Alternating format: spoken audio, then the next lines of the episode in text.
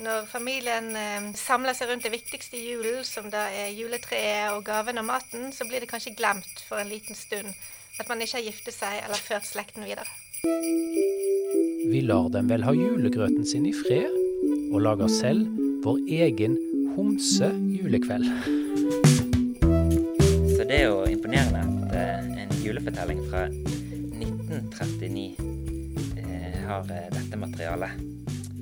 God førjulstid og velkommen til nok en eh, podkastepisode av Skeiv historie fra Skeivt arkiv ved Universitetet i Bergen.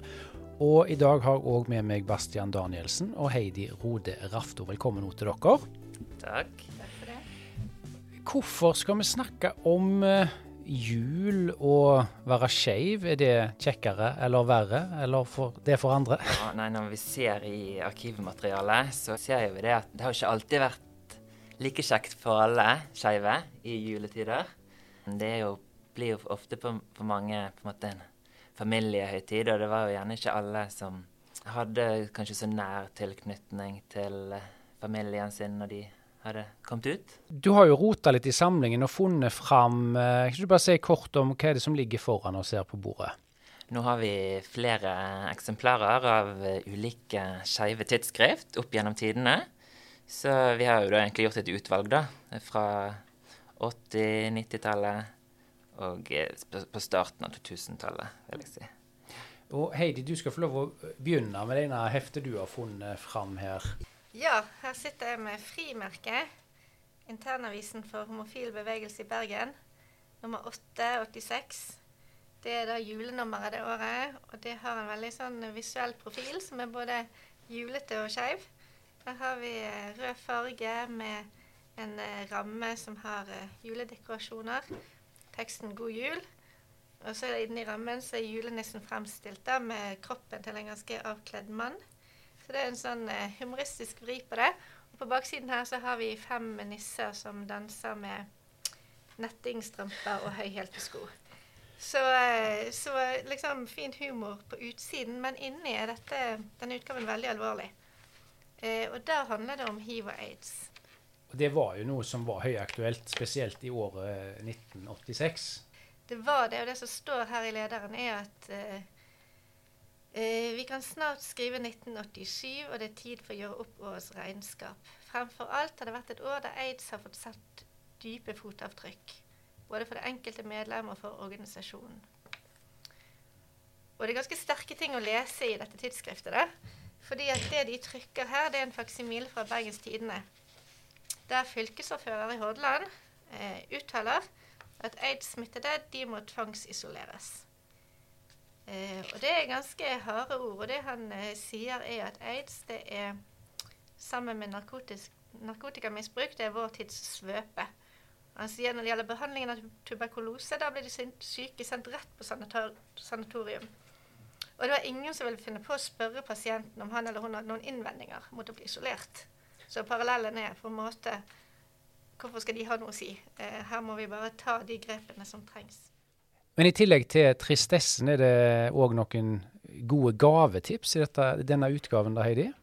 Ja da, det er det. Her anbefaler de å gi eh, medlemskap i HBB i julegave til venner og kjente. Og så er det en kommentar som er litt morsom og litt trist, kanskje.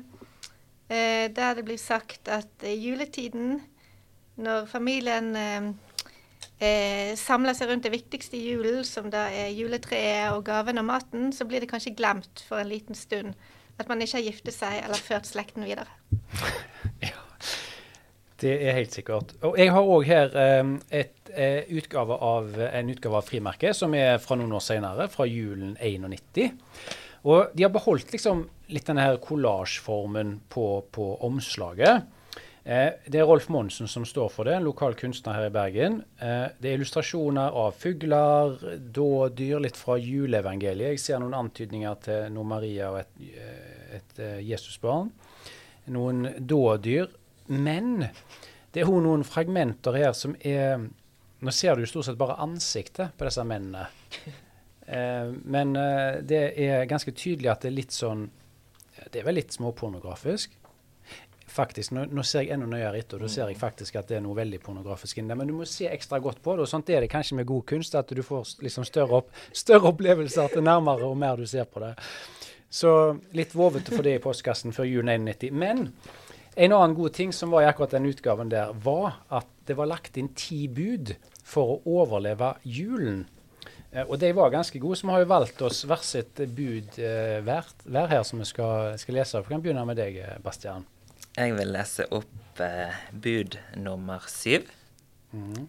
Legg ut om nyttårsforsettene dine, og antyd en rekke tvilsomme uvaner som du aldri mer vil hengi deg til. Bli værende på antydningenes plan, slik at omgivelsene selv kan få en mulighet til å bruke fantasien. Den likte jeg veldig godt. bud nummer sju. Har du et godt bud å, å lese, Heidi? Ja, jeg har her bud nummer fem. Eh, bestikk barna til å kalle deg tante. Og når de gjør det, lag en scene. jeg fant her bud nummer tre. Nekt å spise så mye som en bit av julematen. Ta selv med upolert ris og grålige bønner understrek det slaktede og dyriske ved maten som står på bordet, f.eks. andelike grisekadaver og lignende. Gjør spesielt et nummer ut av blodpølser. Men det som er litt morsomt, er at helt på slutten av det frimerket så var det jo en liten matspalte. Så, de vil, så, det var lov å spise julemat òg. Eh, og så skal vi gå videre til neste. Det er, da har vi òg skifta um, magasin, eh, Bastian. I en utgave eh, av 'Løvetann' fra 1985 så er det en norsk oversettelse av en julefortelling. En, den heter 'En julefest med forviklinger'. Den er opprinnelig skrevet av Carl Meyer, men oversatt av Dermot Mack. Og eh, fortellingen den er hentet fra det sveitsiske tidsskriftet Der Kreis fra 1939. Og eh, dette tidsskriftet det ble utgitt helt fra 1932 til 1967 og distribuert internasjonalt. Så det vil si at dette er det eneste skeive tidsskriftet som òg eh, ble utgitt under andre verdenskrig. Det er som sagt en julefortelling. Det handler om 30 år gamle, gamle Konrad. Han feirer julaften med familien, og så er det to gjester til stede. En av disse gjestene vet tydeligvis eh, at Konrad han er homofil, og at han eh, egentlig har en kjæreste i skjul. Og det er en annen mann som heter Frans Weber. Um, og denne gjesten driver og hint, hinter mot dette, da. Og til slutt så blir Konrad så sur at han bestemmer seg for at nå skal han komme ut foran, eh, fami framfor familien. Og da sier han Konrad følgende Frans var min venn. Ja, det er sant at jeg elsker ham, så høyt som man kan elske et menneske. I tillegg så sier han, og om de ønsker, kan de bare fortelle alt dette til nabolaget. Så det er jo imponerende at uh, en julefortelling fra 1939 uh, har uh, dette materialet. Og hvis vi vet òg litt på stemningen i Europa akkurat i 1939, altså julen 1939, da hadde vel allerede liksom, Tyskland begynt å invadere Polen liksom, litt før. Altså Det var store, skumle ting på gang. Så sett i den konteksten så er jo denne her publiseringen av den fortellingen den gangen nå uh, gjør den enda mer spesiell. Absolutt. Mm. Du, Vi skal holde oss litt til Løvetann, Heidi, uh, og over til en annen historie som kanskje folk har hørt om, iallfall tittelen. Ja, jeg sitter her med en novelle som heter 'Anne og Anne kommer hjem til jul'. Den eh, kom ut i 1981, eh, men har også stått på trykk i Løvetann, da. I et julenummer av Løvetann her, fra 1986.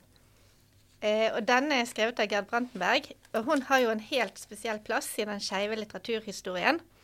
Og når hun ga ut eh, 'Opp alle jordens homofile' i 1973, så ble det en kultbok i de lesbiske miljøene. Eh, hun skriver ofte om alvorlige temaer, men bruker mye humor. Eh, og denne novellen, da, den handler om Anne Lys og Anne Mørk, som er kjærester. Eh, de har vært sammen lenge, men de har ikke kommet ut for familiene sine. Og nå er de lei av å holde forholdet hemmelig og opprørt av at de ikke kan være jul sammen, sånn som andre par kan. Og Anne Lys bestemmer seg for å fortelle det hjemme. Hun sier til moren at hun er homofil. Og moren reagerer voldsomt. Men på en helt annen måte enn forventet. Hun hulker og gråter, men det er fordi hun er glad. Hun forteller at hun alltid har drømt om å få en homofil datter. Og når faren får vite det, blir han også veldig begeistret. Foreldrene gleder seg til å fortelle nyheten til de eldre slektningene. Tanten gratulerer og skulle ønske at det var hun som fikk en lesbisk datter. Og til julemiddagen så skåler familien for Anne, for lesbiskheten og for fremtiden. De skåler for homofili som en verdifull livsform, og de skåler til støtte for lesbiske i Kina og Albania. Og onkel får et lesbisk tidsskrift i julegave. Han leser alle artiklene med det samme og syns det er skikkelig bra. Eh, så denne historien er jo eh, eh skrevet på en tid, eh, i 1981, altså, som er nå er blitt 7, eh, 40 år siden. Eh, da det var jo veldig usannsynlig å få en sånn reaksjon, og det gjør det jo, gjør jo at det blir en morsom fortelling. I dag er det kanskje litt annerledes. Det er kanskje ikke så usannsynlig at noen blir glad eller syns det er en kjekk ting hvis sønnen eller datteren kommer ut som skeiv. Det kan jo gi familien en status som uh, kul og moderne, kanskje. Ikke sant. Og så er det litt morsomt, for denne her, det er jo god humor i dette her. De snur opp ned på, på, på tingene. Eh, og det samme temaet hadde du vel i denne boken, Egalias døtre fra 77. Det her samfunnet som var, hvor kvinnene hadde makten, og alle mennene var undertrykt. og ja. ja, absolutt. Det er jo litt sånn Gerd Brantenberg sin metode. Å snu ting på hodet og og få fram komikken i det. Men så ble det lagd en film av Anne og Anne kommer hjem til jul òg? Ja, det kom ut en kortfilm av Frank Mosvold i år 2000. Og den bygger jo så klart på novellen. Kortfilmen den eh, var ett av fem vinnermanus i filmredaksjon NRKs manuskriptkonkurranse i 1999. Og det var temaet dialog. Ja, og så skulle jeg nesten til å si at Den filmen burde jo finnes i vårt arkiv, så at folk kommer og ser. Men jeg vet ikke om vi har den, eller uh, ligger den en eller annen plass? Eller skal Nei. vi ønske oss den til jul? Den kan vi, den kan vi ønske oss til jul. da gjør vi det. Eh, og det er jo flere som har eh, dikta i disse magasinene til jul. Jeg har et eksempel her fra Løvetann eh, i 1987. Det er de som heter Grete Holen, som har skrevet to dikt tenkte jeg skulle ta det ene der, eh, som heter O jul med din glede. Deilig er julen glitrende grønn i familiehulen.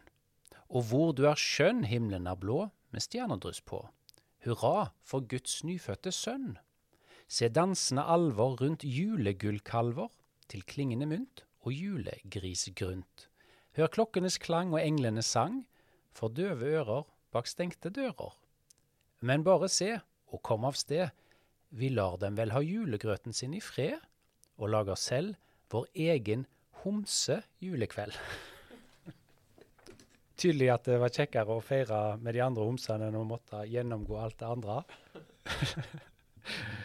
Sette litt. Og så var det jo i um, året etterpå uh, ei litt morsom annonse i Løvetann rett før jul eh, som eh, rett og slett handla om en selvutviklingsgruppe som skulle tilbringe julen 1987 på Gran Canaria. Og vi kan se litt hva, hva de skulle liksom gjennomgå i sammen da, den julen der nede. Det er da bedre selvforståelse, økt kroppsbevissthet, og sist, men ikke minst spontanitet og glede. Så hørtes ut som det kan bli ei fin jul på Gran Canaria. Så vet vi jo òg, og det vet vi jo ikke minst gjennom mange av disse Lismin-intervjuene vi har gjort, at det var spesielt, har iallfall vært veldig vanlig for litt voksne menn å, å tilbringe julen på, på, Gran Canaria. Det er noen sånne spesielle steder der. Eh, av disse feriestedene som er eh, veldig populært for mange å reise til. Så man kan få litt sol og sommer med seg òg. Vi skal holde oss til Løvetann, Heidi. Ja, det stemmer. Her har vi en lederartikkel fra 1991 eh, som er i julenummeret det året. Eh, og der står det at det er jul og jobbetid.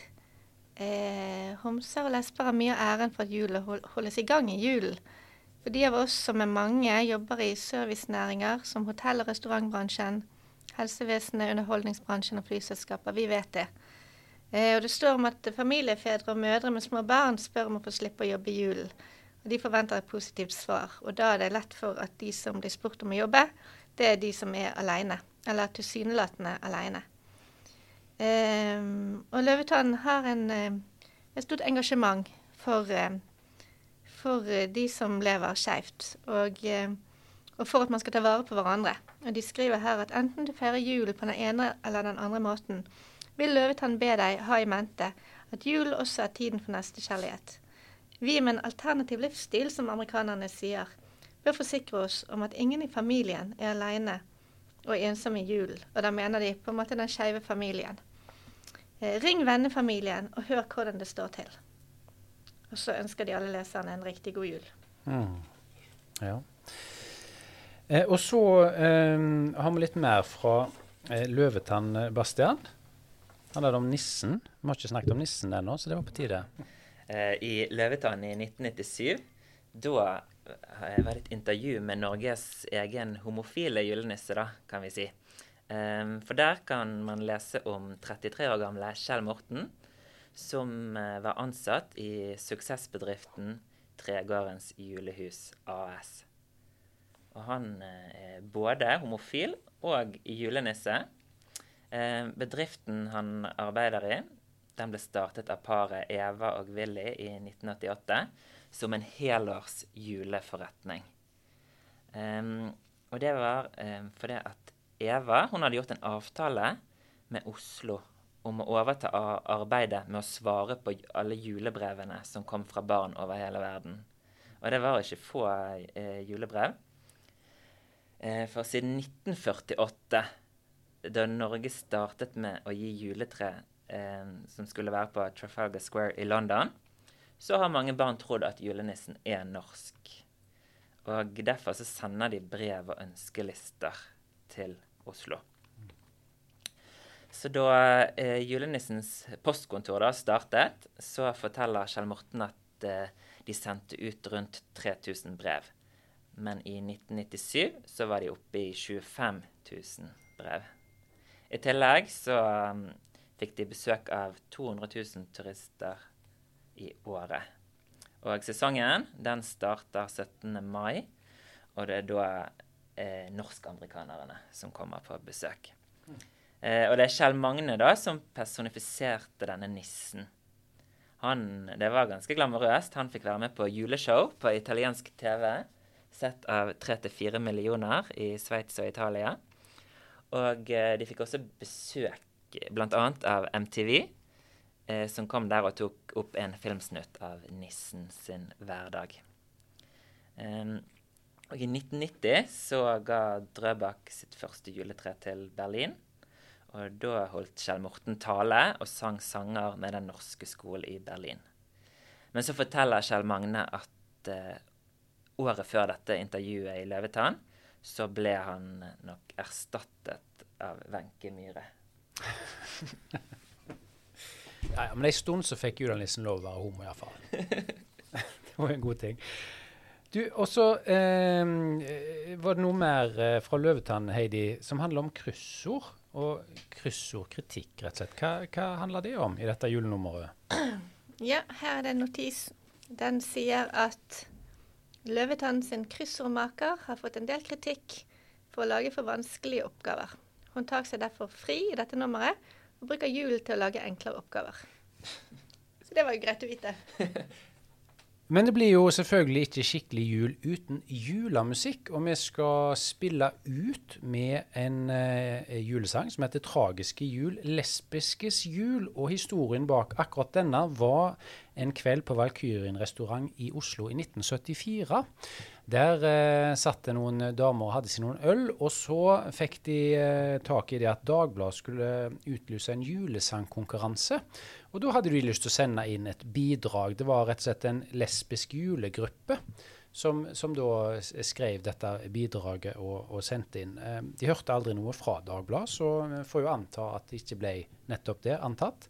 Men eh, sangen ble iallfall henta fram igjen og framført eh, under en gjenskapt kvinnekveld eh, i Oslo på utstillingen Skeivt uteliv i 2017. Og det er Inge Aas og Kjersti Fjelstad som er forsangere her, som vi straks skal få høre. Men uh, før vi spiller ut, så må vi jo få lov å takke for alle som har uh, lytta på oss i året som har gått. Og så ønsker vi alle sammen god jul. God, god jul. God jul. Tragiske jul, er den bra? Tragiske jul, lesbiske jul. Se de sitter spredt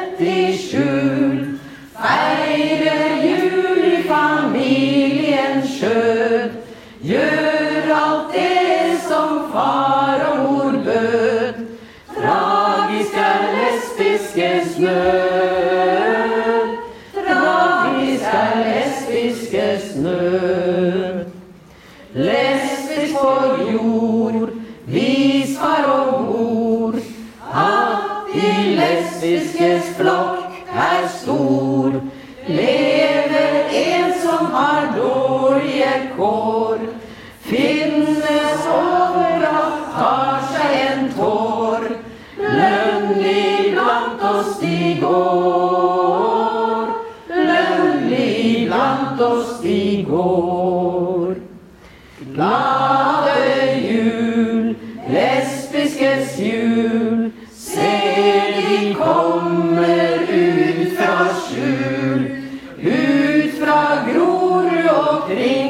med grønt.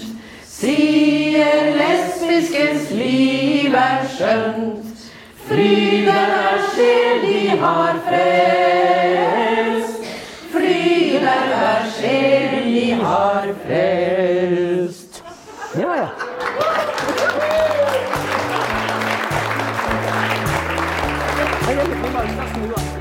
Du har hørt på podkasten Skeiv historie fra Skeivt arkiv. Husk å abonnere. Og vi er snart tilbake med flere skatter fra arkivet.